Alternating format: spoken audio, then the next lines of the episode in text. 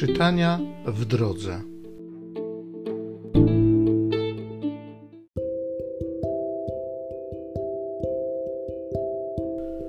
Z księgi proroka Michała. Biada tym, którzy planują nieprawość i obmyślają zło na swych łożach.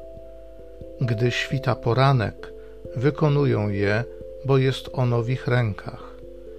Gdy pożądają pól, zagarniają je, gdy domów, to je zabierają. Biorą w niewolę gospodarza wraz z jego domem, człowieka z jego dziedzictwem. Przeto tak mówi Pan. Oto ja obmyślam dla tego plemienia niedolę, od której nie uchylicie karków i nie będziecie dumnie kroczyć, bo będzie to czas niedoli. W owym dniu wygłoszą przeciw wam satyrę, podniosą wielki lament, mówiąc: Jesteśmy ograbieni do szczętu. Odmierzono sznurem działu mojego ludu i nikt mu go nie zwrócił. Pola nasze przydzielono grabieżcy. Przeto nie będzie u was nikogo, kto by odmierzał sznurem dział w zgromadzeniu pańskim.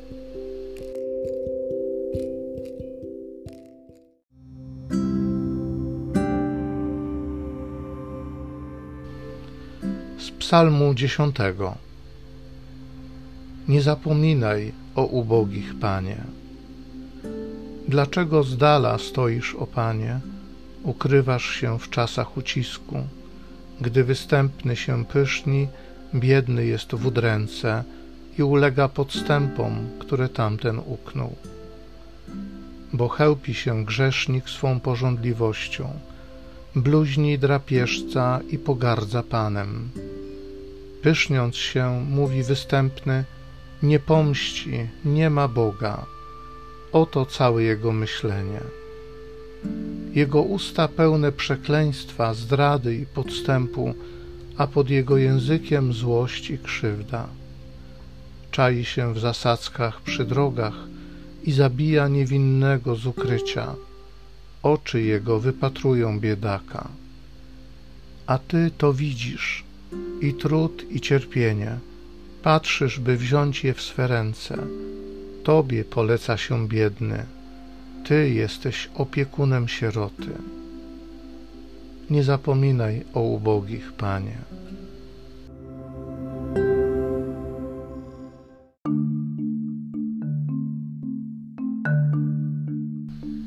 W Chrystusie Bóg pojednał świat z sobą, nam zaś przekazał słowo jednania.